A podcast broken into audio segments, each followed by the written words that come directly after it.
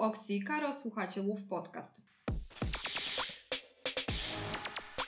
W dzisiejszym odcinku pogadamy sobie o rasach y, i my te rasy podzielimy nie według takiego najpopularniejszego podziału FCI, tylko my będziemy się tutaj celowo posługiwały podziałem według y, Kim Brophy, ponieważ według nas ten podział jest bardziej trafny i lepiej oddaje to, jaka dana rasa jest i do czego została stworzona. E, I właśnie Kim Brophy ten podział zrobiła na zasadzie takiej, do jakich zadań i czynności były hodowane e, konkretne rasy i w jaki sposób pomagały ludziom.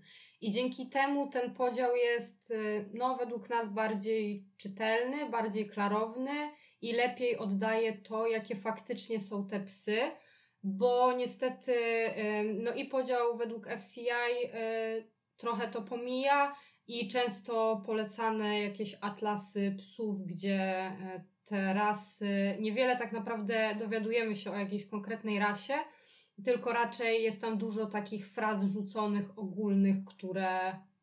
I stereotypów. I stereotypów e, powielanych. Dlatego będziemy się celowo właśnie tym podziałem według Kim posługiwały tutaj. No i e, według tego podziału pierwsze e, są rasy psy ras pierwotnych, więc może Oksy nam tutaj trochę o nich poopowiada. Jako takie przykładowe rasy z grupy psów pierwotnych wybrałyśmy Alaskan Malamut i Husky syberyjski. Być może dość dużą popularność tym dwóm rasam przyniósł film Śnieżne psy. Jako kolejną rasę, którą pewnie często macie okazję zobaczyć na ulicach miast, w których e, mieszkacie, to jest Akita Inu. I tutaj e, była słynna historia e, Hachiko z Japonii. Powstały książki, wydaje mi się, że jest dość dużo historii na ten temat. No i oczywiście film Mój przyjaciel Hachiko. No i dosyć często możemy spotkać samojedy E, na e, ulicach i w parkach. I tutaj raczej nie jest kwestia e, żadnego filmu, tylko wyglądu tej rasy. Te pieski wyglądają jak taka no, dość pokaźnych rozmiarów biała chmurka. Też dość sporo celebrytów wybiera samojedy więc y, można je zobaczyć, a jednak trzeba pamiętać, że rasy pierwotne ogólnie to są dosyć niezależne rasy.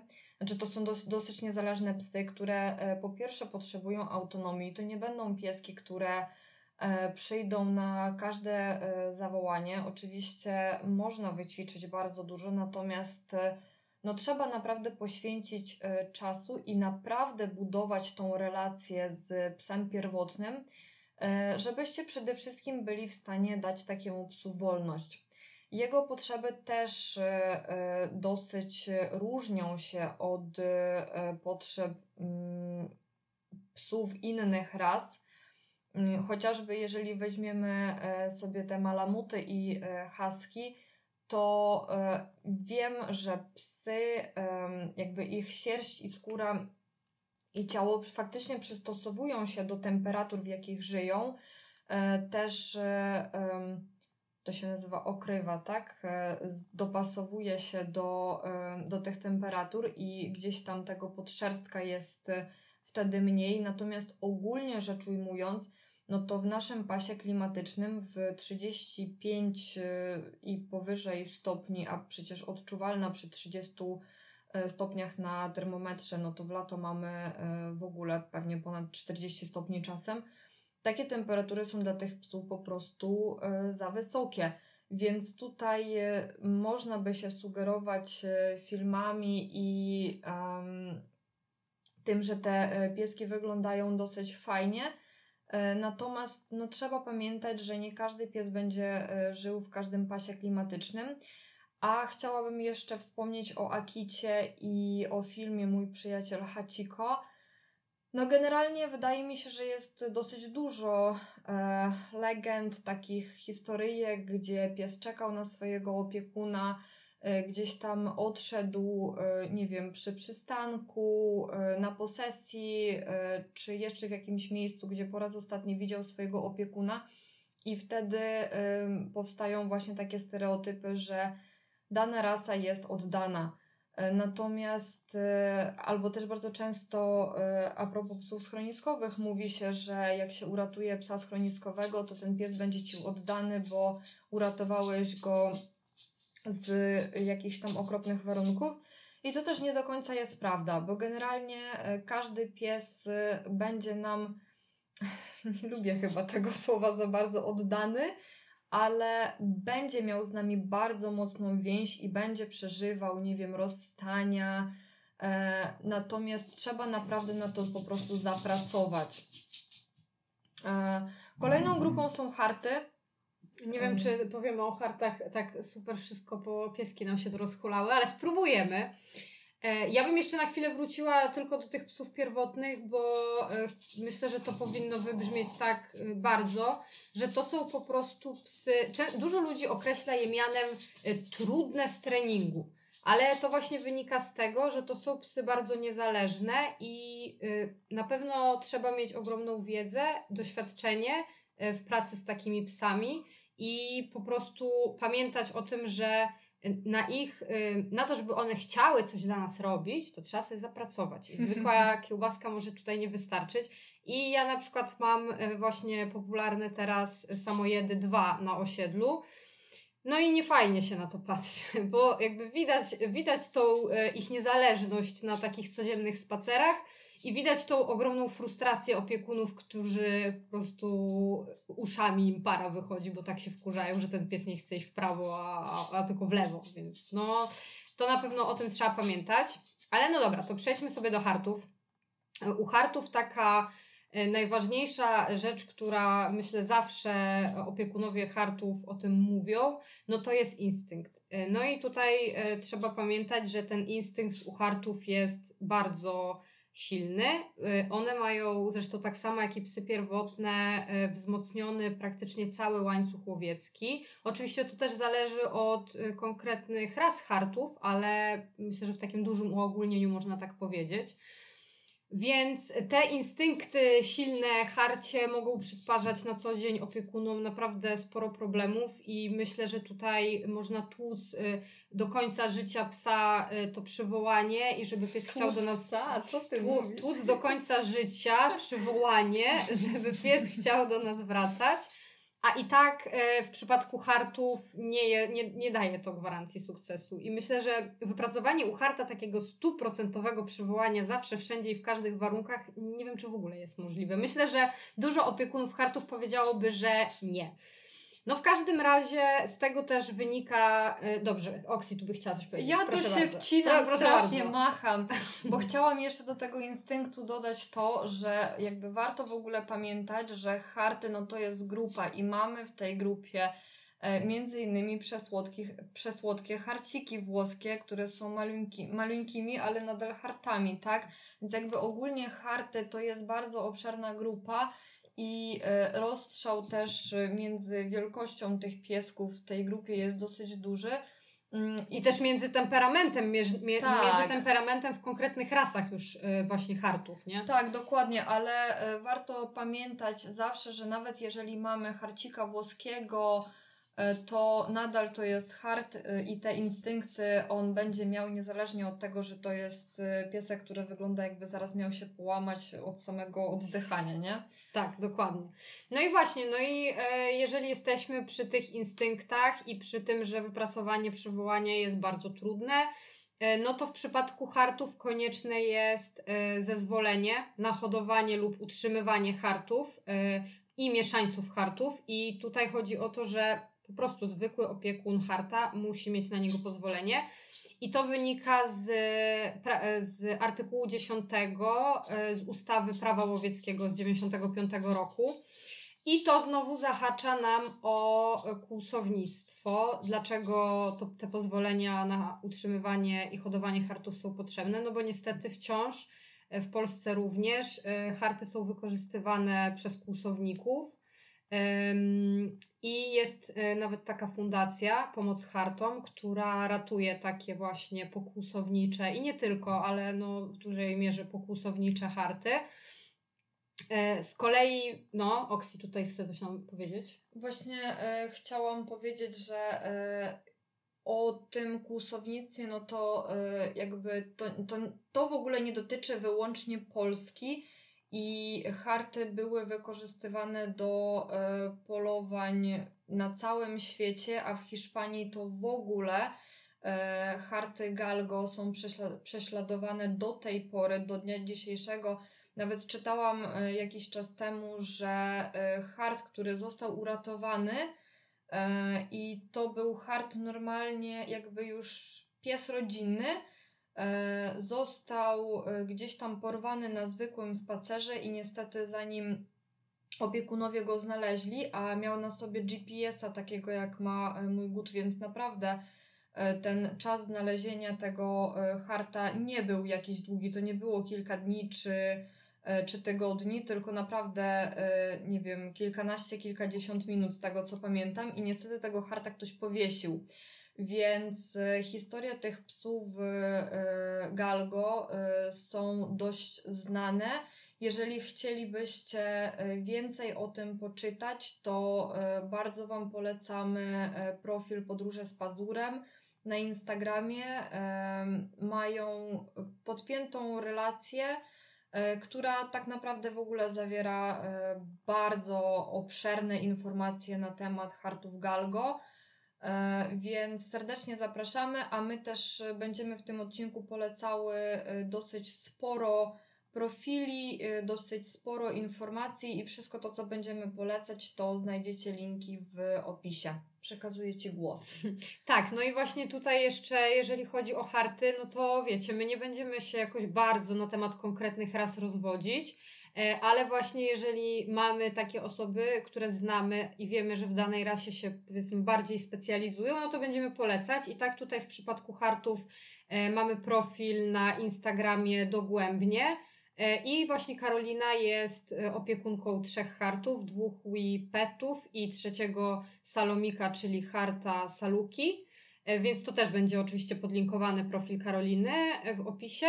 I zachęcamy, bo jeżeli e, jesteście na przykład zainteresowani e, kupnem albo adopcją harta, myślicie, że to mógłby być fajny piesek, bo Wam się podoba, to warto zasięgnąć jeszcze informacji, najlepiej właśnie od osób, które te psy po prostu znają i z nimi na co dzień żyją. No i kolejną grupą, o której e, sobie porozmawiamy, to będą psy stróżujące. Tutaj warto mm, wiedzieć, że u e, psów generalnie raz e, e, z tej grupy jest bardzo wzmożona obserwacja, ale dotyczy to również psów ras mieszanych, które po prostu mają w sobie wzmożoną obserwację, wzmocnioną, nie wzmożoną. Tak.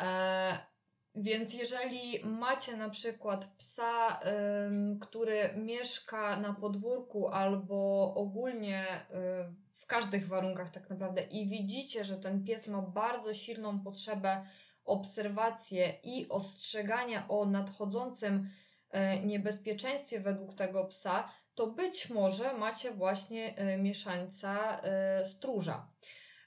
Tutaj warto generalnie mieć to z tyłu głowy tylko po to, żeby po pierwsze się nie gniewać, że wasz pies y, szczeka, jak coś się dzieje w zasięgu jego wzroku, bo stróże tak mają. I dla stróży warto zapewnić bezpieczne miejsce, mm, gdzie będą mogły obserwować, ale też y, zapewnić takie albo wykazać się takim zrozumieniem, że tak, widzimy, rozumiemy o co ci chodzi i no jakby nie gniewamy, że y, gdzieś tam nas ostrzegasz, bo to jest po prostu instynkt tych psów. I to y, jest taki jeden z przykładów tego, że to, co nam się wydaje być zachowaniem niepożądanym, tak naprawdę do tego kiedyś te psy były tworzone. E, stąd też wydaje nam się, że ten odcinek powinien Wam przybliżyć chociażby spojrzenie na niektóre rzeczy i doszukiwanie się takiego drugiego dna. Tak, no właśnie, bo dla nas teraz, y, jak żyjemy w, mia- w miastach, w blokach, y, no to dla nas problemem behawioralnym, znaczy my nazywamy problemem behawioralnym szczekanie i ostrzeganie, a kiedyś właśnie y, to było pożądaną cechą u tych psów, no bo one... I do rozrodu specjalnie były wybierane Tak. takie osobniki, które jednak ostrzegały, a nie siedziały cichutko w kącie, tak? Tak, bo na przykład y, tutaj są y, owczarki podhalańskie, które pilnowały stad owiec i ich zadaniem było ostrzegać, że zbliża się jakieś niebezpieczeństwo i chroniły w ten sposób swoją grupę rodzinną, którą stanowiło właśnie stado owiec. Więc my to dzisiaj nazywamy problemami behawioralnymi, a kiedyś właśnie po to y, dobierano takie osobniki, żeby te cechy uwydatnić i myślę, że to powinno wielu osobom otworzyć oczy na to, jak ważny jest dobór psa i zwracanie uwagi na to, do czego ten pies został stworzony po prostu. Tak, i jeżeli macie w planach y, zakup y, bądź adopcję psa z predyspozycjami do bycia stróżem, musicie też wiedzieć, że te psy mają dość spore predyspozycje do lękliwości. Y, No bo tak były też one dobierane, więc tutaj warto posiadać tą wiedzę, żeby po pierwsze wiedzieć, z czym będziecie musieli się zmierzyć, a po drugie do tego, żeby się przygotować do wspierania takiego psa w życiu codziennym. I jeżeli chodzi o y, rasy y, stróżujące, to y, dla mnie takim naj, naj, naj przykładem rasy, która zdobyła popularność poprzez filmy, no to to jest rasa Bernardyn, e, ponieważ w latach 90. pojawiły się pierwsze filmy e, Beethovenu, tak? I e, generalnie to jest film mojego dzieciństwa, oglądałam go chyba, nie wiem, z tysiąc razy. Ja też. I naprawdę ja się nikomu nie dziwię, że ktoś widząc takiego puchatego, dużego e, wujka Bernardyna, e, będąc dzieckiem, chciałby mieć e, do tulenia. Natomiast no, to wszystko to, co wymieni- wymieniałyśmy wcześniej, no to trzeba mieć e, e, z tyłu głowy i brać to pod uwagę, decydując się na e, adopcję czy e, zakup chociażby Bernardyna. Tak, dokładnie. No i, i cóż, kolejną grupą e, z wymienionych są psy do towarzystwa, e, czyli e, wszystkie te małe, słodkie pieseczki, e, które chodzą w różowych szaleczkach, kokardkach i torebeczkach. Dobra, już tak może nie y, wszystkich nie wrzucajmy do jednego wora, bo pewnie nie każdy y, maltańczyk chodzi z kokardką, a i zresztą wydaje mi się, że to niekoniecznie zawsze jest y, in minus, bo y, nie znam się za bardzo na maltańczykach, ale wydaje mi się, że pieski, które mają tam dłuższy włos, to nawet czasem dobrze je tam gdzieś podwiązać czy coś. Natomiast dlaczego powiedziałaś, że to są małe... Poleciałam stereotypowo po prostu, tak ba- jak ludzie... za bardzo. Tak jak ludzie na te psy niestety patrzą. No ale co, mamy w tej grupie, wymienimy tutaj kilka raz, no bo nie będziemy wymieniać wszystkich, bo to by sta- nie starczyło odcinka. Mamy tutaj w tej grupie Maltańczyki, mamy w tej grupie Pekinczyki, mamy w tej grupie Shih Tzu. Co jeszcze mamy w tej grupie? Kawaliery. Kawaliery mamy w tej grupie. No i e, jakby wiecie, dużo ludzi e, decyduje się na te pieski, bo są właśnie małe, bo są, tak się wszystkim wydaje, super do dzieci, no i takie przytulanki żywe i w ogóle. No ale trzeba pamiętać o tym, że mały pies to wciąż jest pies. I nawet jeżeli te psy celowo e, były dobierane w taki sposób, żeby chociażby ten instynkt łowiecki w większości był wygaszony, no to wciąż te psy mają potrzeby psie. E, Potrzeby eksploracji. No, o potrzebach nagrałyśmy odcinek, Tak, więc tutaj nie będziemy wymieniać, ale e, no na pewno 5 minut spacerku trzy razy dziennie tym pieskom nie wystarczy. E, Mają łapki i mogą chodzić i ja znam przypadki czy właśnie maltańczyków, czy chihuahek, które zasuwają po górach i robią naprawdę pokaźne trasy po lasach. Zresztą przepraszam bardzo, pani miała chihuahua. E, tak, ja miałam chihuahua. No akurat y, chihuahua nasza Mimi do nas trafiła już w takim dosyć podeszłym wieku i dożyła u nas prawie 20 lat, więc ona już fizycznie po prostu nie była w stanie robić pokaźnych tras i miała dużo tam problemów zdrowotnych, ale no no tak, tak, tak. No nadal tak była psem, a Nadal- nie zabaweczką, która tylko leżała na y, kanapie. no Tak, nie? dokładnie. Ale w ogóle też ciekawe, dlaczego te e, psy z e, grupy psów do towarzystwa są e, w większości właśnie takie małe albo no co najwyżej średnie. Chociaż e, nie wiem od ilu kilogramów zalicza się psa jako średniego. Wydaje mi się, że od 15 wzwyż. E, To, to, to możliwe, że nawet w tej grupie nie znajdzie się taki piesek mm, takiej rasy do tylu kilo, od tylu kilogramów. Natomiast są one małe, dlatego że e, do rozrodu było, e, celo, były celowo wybierane małe pieski e, i bardzo często właśnie z genem karłowatości. Dlatego te wszystkie rasy są takie tyciusieńkie. Tak jest. No i tutaj teraz do czego te psy były wykorzystywane? No bo przecież po coś się je hodowało. Teraz my je hodujemy dla towarzystwa, a kiedyś miały jakieś konkretne zadanie. No i tak na przykład w okresie renesansu na szlacheckich dworach te małe pieseczki e, miały takie cudowne zadanie, oprócz tego, żeby tym ludziom towarzyszyć, to łapały też pchły. I to nie tak, że ząbkami, tylko po prostu wabiły z ich ciałka na siebie te pchły, które mogły sobie tam e, gromadzić się na ludziach i dzięki temu mieli takie żywe pułapki e, właśnie na pchły, żeby one nie gryzły ludzi. Bardzo szlachetne to było ze strony tych piesków. E, tak, tak, dokładnie. No i, no i tak, no, psy do towarzystwa, ta grupa nazywa się psami do towarzystwa, bo faktycznie te psy potrzebują sporo tego towarzystwa człowieka, swojego Właśnie opiekuna. porównując na przykład do psów ras pierwotnych, no to to jest niebo a ziemia, bo taki pies pierwotny nie potrzebuje aż tyle. Owszem, do tego, żeby zbudować z nim relacje, to dobrze by było z nim spędzać ten czas i faktycznie e, robić fajne rzeczy razem, ale w porównaniu do zapotrzebowania takiego psa do towarzystwa, towarzystwa, Do towarzystwa. to to naprawdę jest no przepaść. Tak, no i my oczywiście tutaj bardzo uogólniamy, bo tak samo jak w grupie raz pierwotnych znalazłby się osobnik, który bardzo tego towarzystwa człowieka potrzebuje i jest dużo mniej niezależny,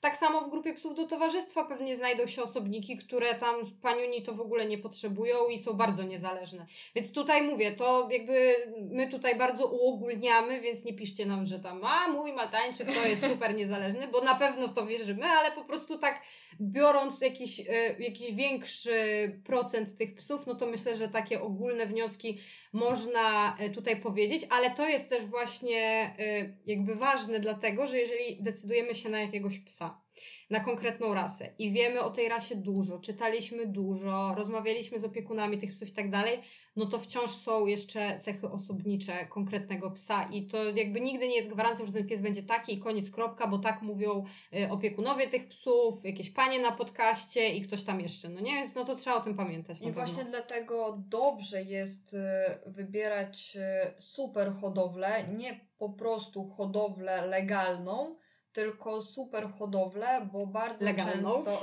super hodowlę legalną, bo bardzo często jest tak, że hodowcy już z wieloletnim doświadczeniem, patrząc na szczeniaczki, które już się urodziły, są w stanie, oczywiście nie dając żadnej gwarancji, ale pi razy drzwi są w stanie określić, który szczeniaczek jak się zapowiada na przyszłość. I wtedy, e, no bardzo często jest tak, że po prostu e, ludzie e, na przykład chcąc jakieś konkretne cechy w danym swoim przyszłym piesku, muszą, e, jakby decydują się, no nie muszą, tak, nic nie muszą, ale decydują się na przykład na e, kupno jednak pieska, a nie suczki, bo w danym miocie nie ma mm, suczki z takimi cechami, o które im by chodziło, tak? Więc jakby tutaj jednak ten e, element bardzo dobrego hodowcy jest bardzo ważny, bo jednak wciąż mówimy o psach rasowych. Psy nierasowe omówimy na końcu bardzo krótko, bo tam niewiele jest co do powiedzenia, mm, przynajmniej pod kątem tego odcinka. Ale w przypadku psów rasowych absolutnie dobra hodowla jest kluczowa. Tak, no i e, kolejną grupą na naszej liście e, są psy gończe. E, I psy gończe to są psy wykorzystywane przy polowaniach i do tego zostały stworzone. I to są psy, które podążają za zapachem i tropią uciekającą zwierzynę, albo tropią zwierzynę, która gdzieś tam ukrywa się w krzakach. I to, były, y, to było ich zadanie. Zresztą do dziś te psy są w myślistwie wykorzystywane. I taką rasą, myślę, że chyba w tej grupie na, naprawdę najbardziej popularną e, to są bigle. E, I tutaj. Przynajmniej w dzisiejszych czasach warto dodać, bo w latach 90. To myślę, że też, że też były bardzo wtedy popularne i mam wrażenie, że teraz ta popularność im e, wraca.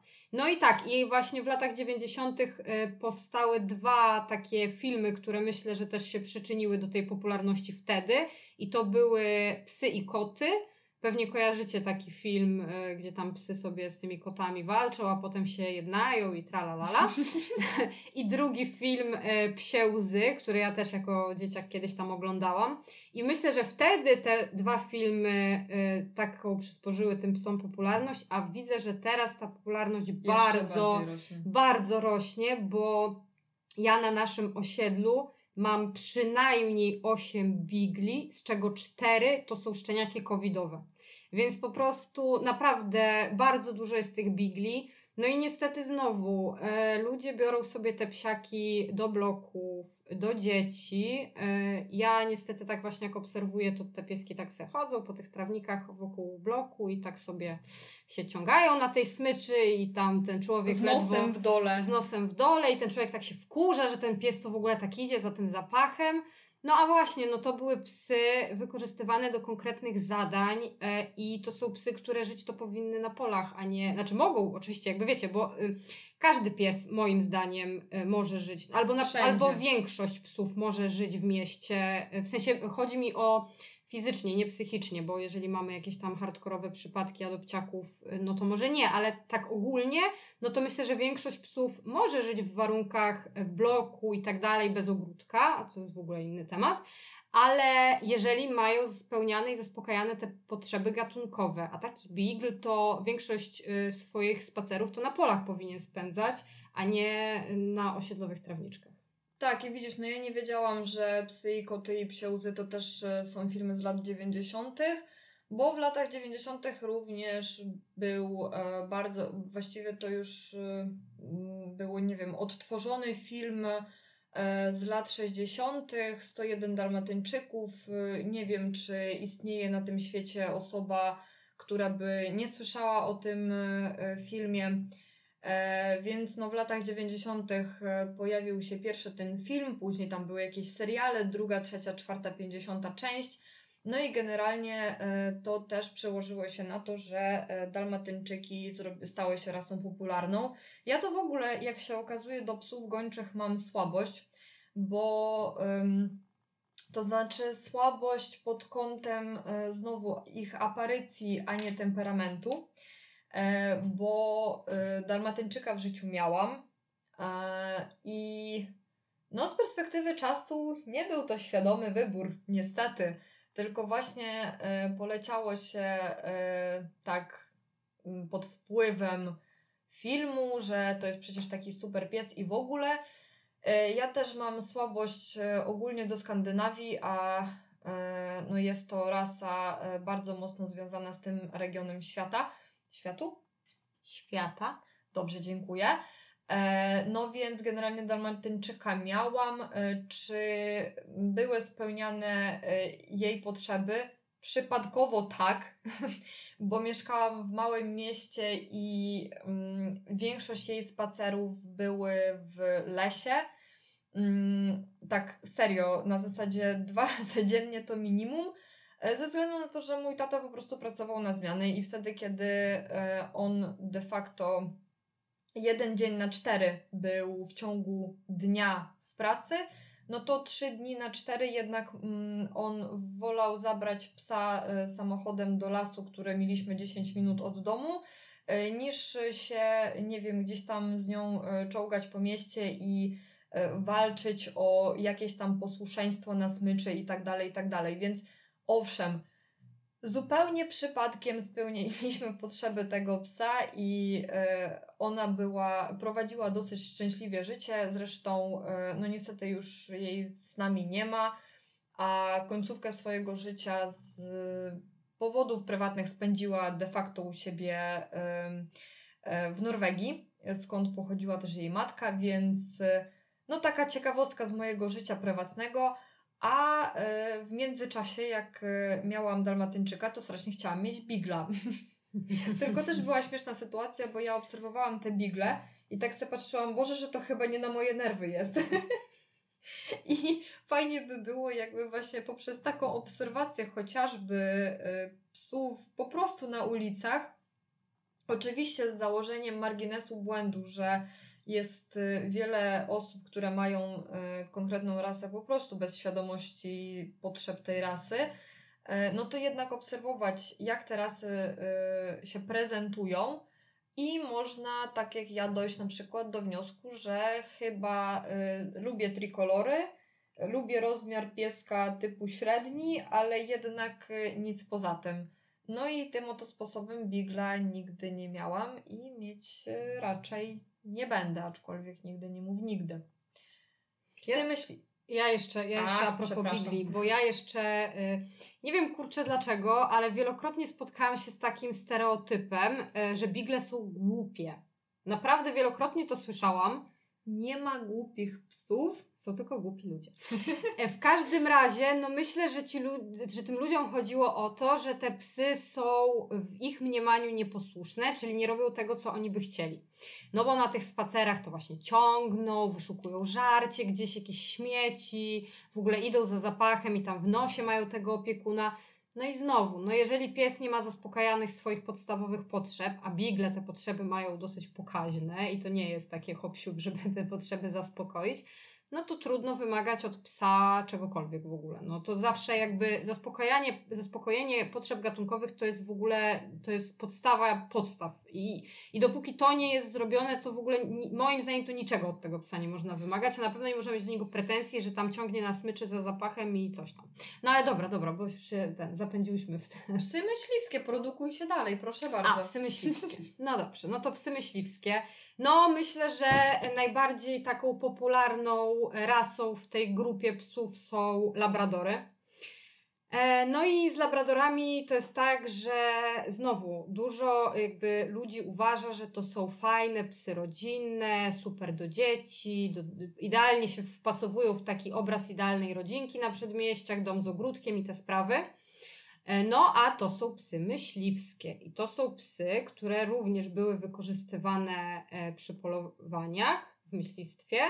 E, akurat jeżeli chodzi o labradory, no to ich zadaniem głównie było przynoszenie mm, postrzelonej zwierzyny, ale znowu te potrzeby ich, tej konkretnej rasy są no, tak no, dosyć pokaźne i to nie wystarczy temu psu ogródek i spacer raz na tydzień po jakimś tam kawałku lasu, tylko zdecydowanie te psy tych potrzeb mają więcej.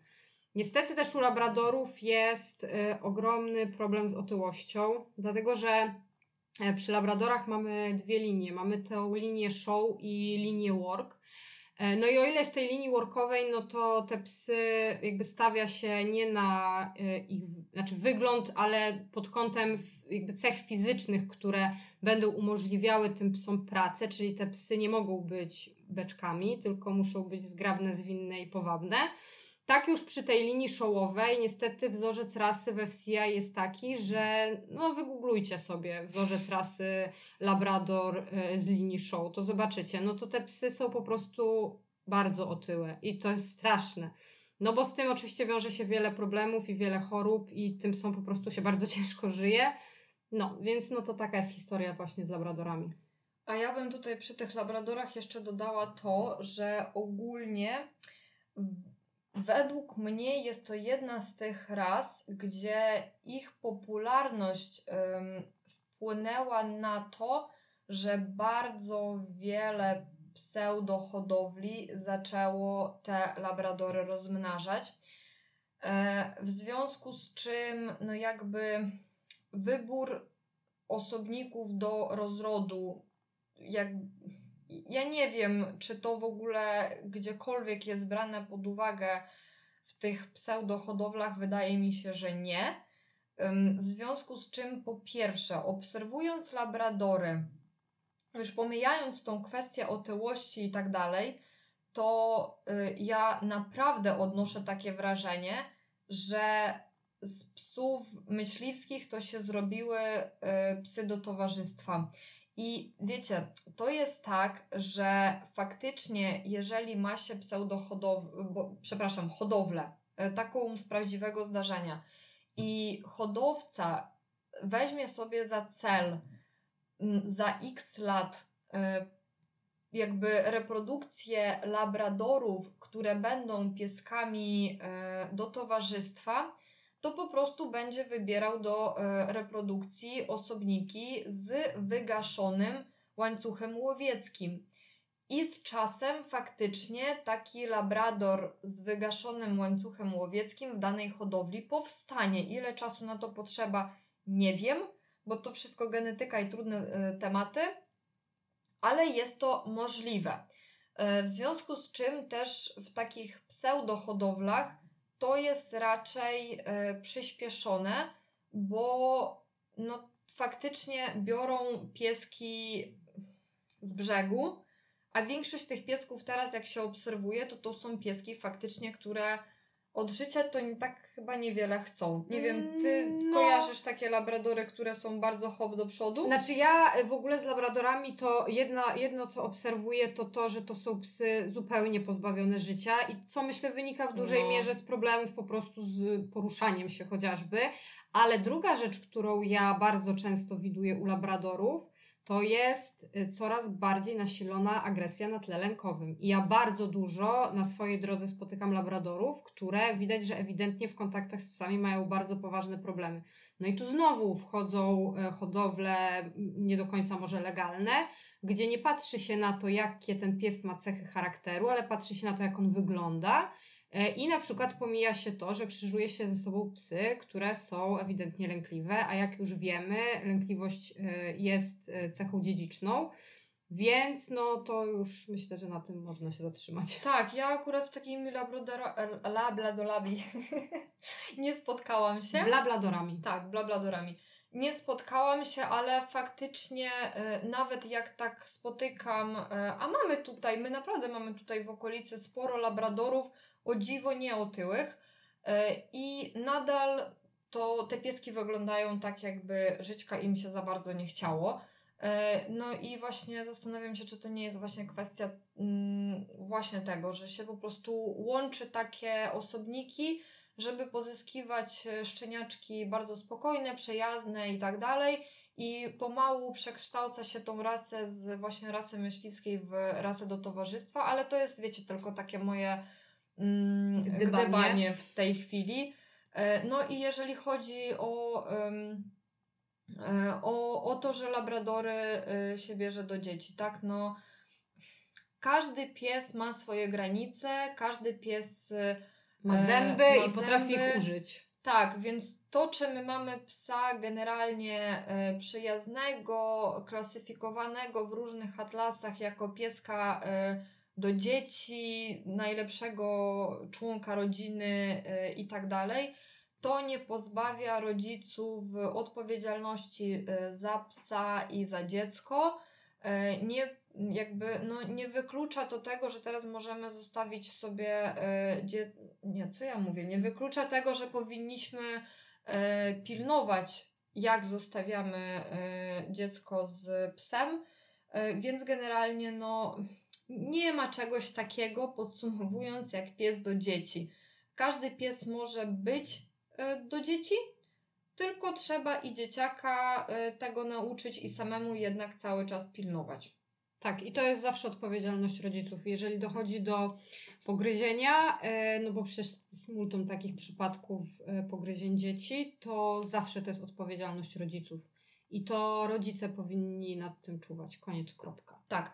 I jeszcze a propos tych psów myśliwskich, to chciałyśmy wspomnieć y, dosłownie dwa zdania o pudelkach, bo w pudlach mamy y, trzy ras, podrasy, Rasy No. czy podrasy? No. W każdym razie mamy pudla miniaturowego, mamy pudla standardowego i mamy pudla królewskiego. I tutaj można troszkę się pomylić, bo generalnie pudel standardowy to jest e, pies myśliwski, znaczy należący do tej grupy.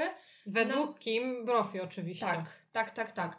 E, I oczywiście znowu kłaniają się kwestie osobnicze.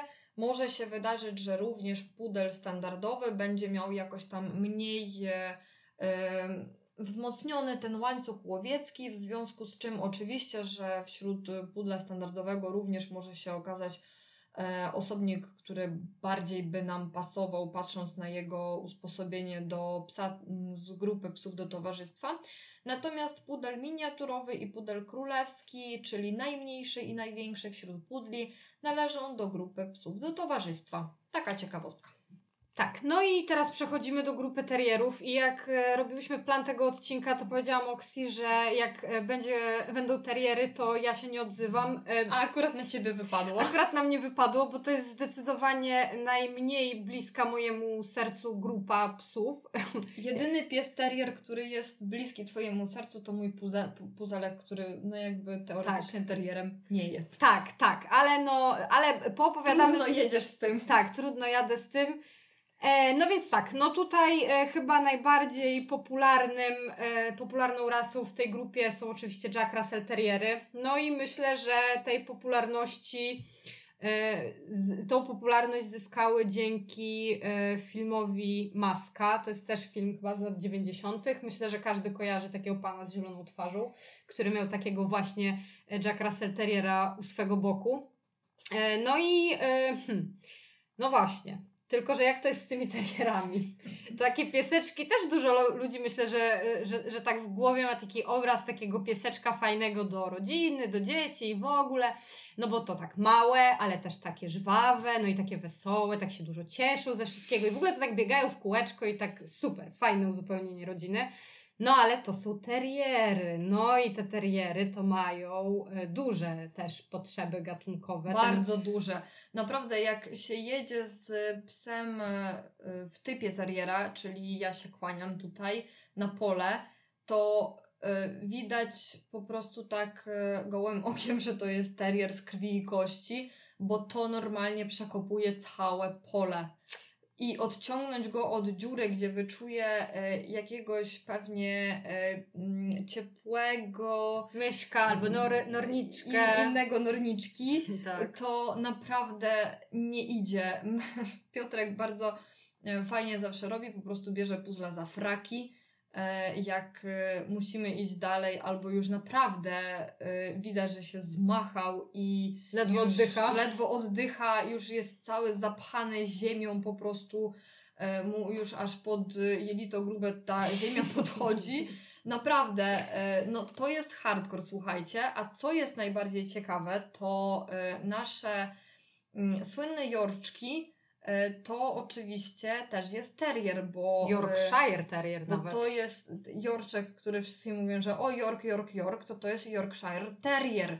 I e, ja nie wiem, znowu to jest chyba kwestia, tak jak przy tych labradorach, jak te Yorki się zrobiły takie, no ewidentnie przecież... Znaczy ja myślę, że one takie popularne i, i, i przez większość ludzi to uważają, że właśnie takie pieski do towarzystwa, że to się stało dlatego, że po prostu w mm, momencie selekcji osobników i dobierania ich znowu brało się te psy z genem karłowatości, więc wszystkim wydaje się, że jak to jest taki mały piesek, no to gdzie on tam na pola? Gdzie No a pola? właśnie psy y, tego typu, y, teriery, stały się bardzo popularne y, już w XVIII wieku i były wykorzystywane również jorczki do polowania na szczury. Tak, bo generalnie no w XVIII wieku no to zwiększała się gęstość zaludnienia, yy, tam wiadomo miasta się rozrastały i tak dalej. Mm, Nie było śmieciarek, które po te śmieci Właśnie przyjeżdżały. chciałam powiedzieć, że te miasta to czys- czystością to tak nie grzeszyły za bardzo.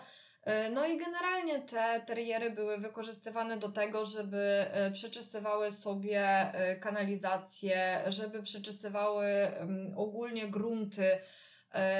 I u teriera to wszystko wygląda tak, że on po prostu znajduje szczura, e, zabije go, rozszarpuje i leci szukać kolejnego. Leci szukać kolejnego. Jemu nie zależy na tym, żeby tego szczura zjeść. Chociaż my jak byliśmy w Bieszczadach, to ja przeżyłam niezły szok, bo e, Puzelek mój ukochany e, jakby wykopał myszkę, ktoś mi potem pisał, że to nornica była, a one są w ogóle pod ochroną i no strasznie kiepska sprawa, ale co zrobisz, no jakby w ogóle nie wiedziałam o tym nawet.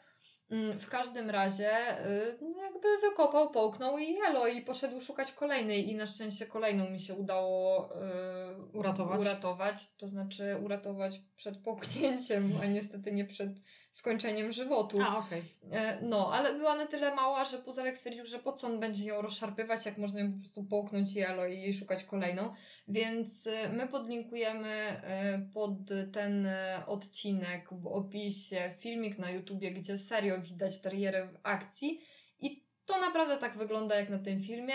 Nie włączajcie go sobie przy jedzeniu. I mm. dla ludzi jakichś takich wrażliwych, albo którzy na przykład tak jak ja e, kiedyś, albo wciąż mają szczurki jako zwierzątka domowe, o, to, tak. to też nie polecam. Tak, tak, tak, zdecydowanie. Terierki też do takich osób nie polecamy, bo właśnie potem każde e, wyjście, czy tam wyjazd na pole z takim psem, no to niestety może kosztować Was e, niezłe emocje. Bóle. Bóle. No, bóle to jest bardzo znowu szeroka grupa.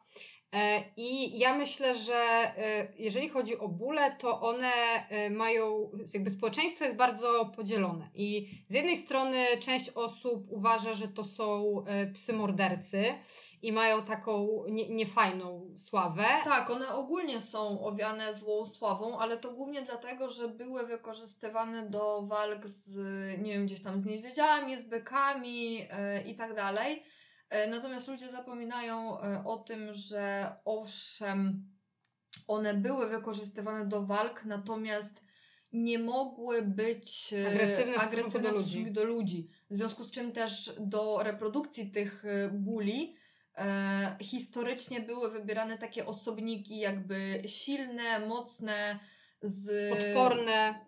Tak, z tym szczękościskiem ileś tam ton, Natomiast. Nie, z tym szczękościskiem to jest akurat chyba trochę fake. To tak nie do końca z tymi tonami jest, no ale w każdym razie na pewno no, siły wiesz, mają dużo. Siły w szczęce mają. Tak, znaczy ogólnie tak. Puzelek też jak mi łapał kość, to też ma siłę niezłą, więc wiecie, to znowu tu nie mówię o jakichś stereotypach, po prostu chodzi mi o to, że te psy były bardzo, bardzo silne, ale musiały być łagodne do ludzi, bo to w krytycznym y, momencie takiej walki to człowiek gdzieś tam ingerował, to gdzieś tam człowiek wchodził na ten ring, żeby na przykład zabrać swojego psa, który wygrał. Nie wiem jak to wyglądało, ale ogólnie na bank musiały być łagodne do ludzi. Tak, no i właśnie dlatego tutaj jest ten podział społeczeństwa, że część ludzi uważa e, je za e, psy mordercy i myślę, że ten stereotyp wynika z tego, o czym powiedziała Oksy, ale też z tego, że no niestety bardzo dużo e, ludzi bardzo nieodpowiedzialnych bierze sobie te psy i, e, i faktycznie no, często można widzieć gdzieś tam na ulicach takiego na przykład chłopaczka z takim na przykład pitbullem na kolczatce. No i wiecie, no to tak, taki obraz jest, ludzie po prostu generalnie tak. raczej schodzą na drugą stronę ulicy. Jak ktoś sobie chce dodać y, plus, nie wiem, 10 do experience'a w życiu, to tak. sobie kupuje e, czasem pitbulla i wtedy myśli, czy tam ogólnie jakiegoś innego bula i wtedy myśli, że jest jakiś tam bardziej pro. Tak, no a z kolei są też osoby, które właśnie bóle uważają za psy idealne do dzieci, za takie psieniańki i w internecie jest cała masa filmików z psami typu ból, które sobie gdzieś tam na przykład leżą, a dwulatek sobie chodzi po tym psie, wchodzi mu na głowę, ciąga za uszy, wsadza palce w ogon, ten pod ogon. Pod ogon, uszy, oczy, buzie i wszystko. I ten pies tak leży nieruchomo i takie są podpisy, że ojej, to taki idealny pies do dzieci, bo on taki jest cierpliwy i taki kochany i tak wszystko da ze sobą zrobić. No a potem tylko... pasek w jakichś tam. Tak, a potem widzimy nagłówki, że Pitbull zjadł y, dwuletnie dziecko, no i Pitbull morderca i znowu tutaj koło się zamyka i ten, te stereotypy się powielają. No i niestety, no znowu, no każdy pies ma zęby, każdy pies może ugryźć, to rodzice powinni czuwać nad relacją y, dziecka z psem E, a bóle, tak poza tym, już bez stereotypów, to są szalenie inteligentne psy. e, szalenie przywiązane do swojego opiekuna, jeżeli właśnie ta relacja i to wszystko, o czym mówiłyśmy wcześniej, jest tak, jak być powinno. Więc e, ja myślę, że e, no akurat my z bólami nie mamy praktycznie żadnego doświadczenia, ale to znowu, to, to co mówiliśmy wcześniej. Jeżeli ktoś z Was chciałby, myśli, interesuje się tymi jakby rasą z tej grupy, no to po prostu trzeba poszukać informacji, porozmawiać z osobami, które mają te psy, a na pewno nie myśleć właśnie stereotypowo, że na przykład, a to jest super piesek do dzieci, to ja sobie będę piła kawkę, a on będzie się zajmował dziećmi, no bo pies to nie jest niańka. O właśnie, i teraz y, przyszła mi do głowy Beata, że gdyby chciał ktoś podejrzeć, to profil psia psiolka? Tak. Tak. E, to też podlinkujemy, bo Beata ma y, dwa bóle, bólowate. Kurczę, nie chcę źle powiedzieć, bo nie znam się na już tych konkretnych rasach w tej grupie, więc nie chcę ryzykować powiedzenia, którą rasę konkretnie ona ma, ale na pewno ma dwa psy tej samej rasy z grupy buli, więc jak ktoś myśli, to podlinkujemy, prosimy oglądać, bo też Beata bardzo fajnie pokazuje życie codzienne z tymi psami, a jest też trenerką i behawiorystką bardzo fajnej szkoły, więc e, propsujemy podejście i te sprawy, więc bardzo polecamy. Tak. No i kolejne. Kolejne mamy, kolejną grupą psów to są psy zaganiające. E, no i takie myślę najbardziej popularne rasy w tej grupie to są oczywiście Border Collie, owczarki australijskie i korgi. I tu wymieniamy celowo akurat te konkretne rasy, dlatego że na przykład Border Collie to są psy zaganiające od głowy, a korgi to są psy zaganiające od nogi. I to są psy, które były wykorzystywane właśnie na przykład przy owcach, przy pilnowaniu stada. E, więc znowu to są psy z jakimiś konkretnymi, jakimś konkretnym zestawem cech e, i były wykorzystywane w konkretnych celach. Miały e, wzmacniane konkretne elementy łańcucha łowieckiego i to, co nam dziś wydaje się problemem behawioralnym, bo border collie zagania szybko poruszające się przedmioty. Kiedyś celowo było wzmacniane właśnie po to, ponieważ te psy miały wykonywać jakieś konkretne czynności.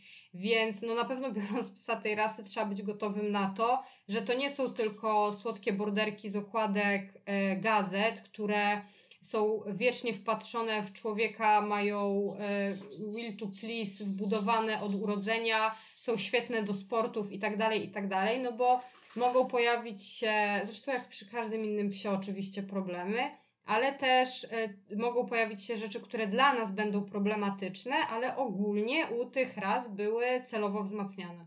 Także więc znowu zaspokojenie potrzeb się kłania. Tak, dokładnie. E, no i na koniec mamy psy światowe, y, czyli kundelki. I tutaj tak naprawdę, tak jak już wspomniałam zresztą, nie ma za dużo co mówić. Mm, generalnie, jeżeli mamy psa rasy mieszanej, to musimy zdawać sobie sprawę z tego, że to może być miks. E, ja ostatnio czytałam, że w jakimś azylu zostały przeprowadzone badania e, takie genetyczne kundelków i wyszło, że e, każdy kundelek w tym azylu miał w sobie miksa od dwóch do pięciu raz, w zależności wiadomo od kundelka. Więc y, naprawdę e, może być spory rozstrzał i trzeba się e, patrzeć na e, cechy osobnicze danego psa, wyłapywać jakie są bardziej wzmocnione elementy łańcucha łowieckiego, żeby wiedzieć jakie potrzeby tego pieska zaspokoić. Tak, więc na pewno no tutaj obserwacja, obserwacja, jeszcze raz obserwacja. Po prostu żyjąc z psem na co dzień, E, obserwując go, patrząc na to, jak reaguje w różnych sytuacjach, jakie strategie e, wybiera na przykład na rozładowanie czy w jakichś stresujących sytuacjach, no to tak możemy wywnioskować, jakie na przykład właśnie elementy łańcucha łowieckiego ma bardziej wzmocnione i co za tym idzie, możemy lepiej zaspokajać te jego potrzeby e, gatunkowe.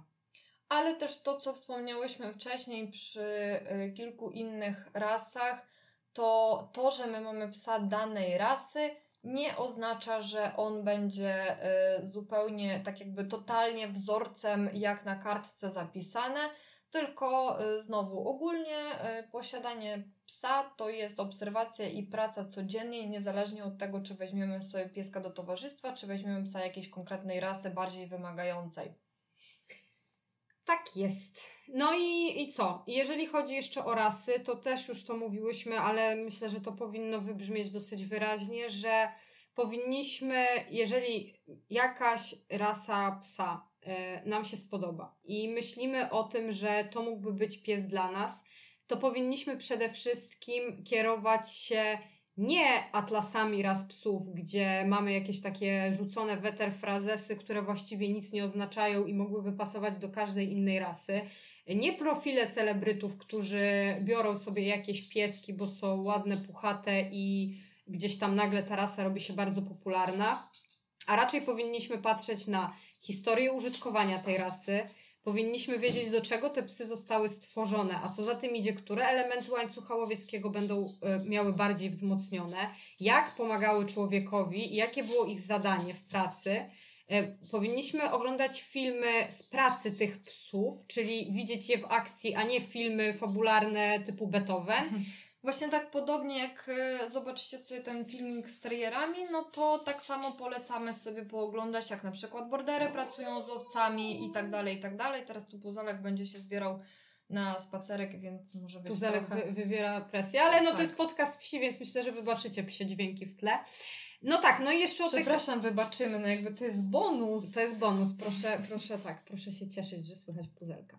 No dobrze, no i co? No i na pewno warto też poznać na żywo e, psy konkretnych ras, e, które nas interesują, porozmawiać z opiekunami tych psów, zobaczyć jak wygląda puzelek, jak wygląda życie e, na co dzień z tymi psami. Po prostu bardzo... Dzięki puzelku za akompa akompaniament w tle. E, po prostu postarać się najlepiej, jak to tylko możliwe, poznać tą rasę i pamiętać, że i tak mimo wszystko może nam się trafić egzemplarz niestandardowy, który na przykład będzie miał w ogóle troszkę inne te cechy. Miałyśmy tutaj jeszcze mówić e, dwa słowa o pseudohodowlach i ja myślę, że to, co już powiedziałyśmy, to tyle wystarczy, bo już mamy 55 minut, pseudohodowle są złe, kropka. E, tak, i dlatego, no wiecie, y, warto szukać hodowli oczywiście zrzeszonych w FCI, czyli w Związku Kynologicznym w Polsce u nas.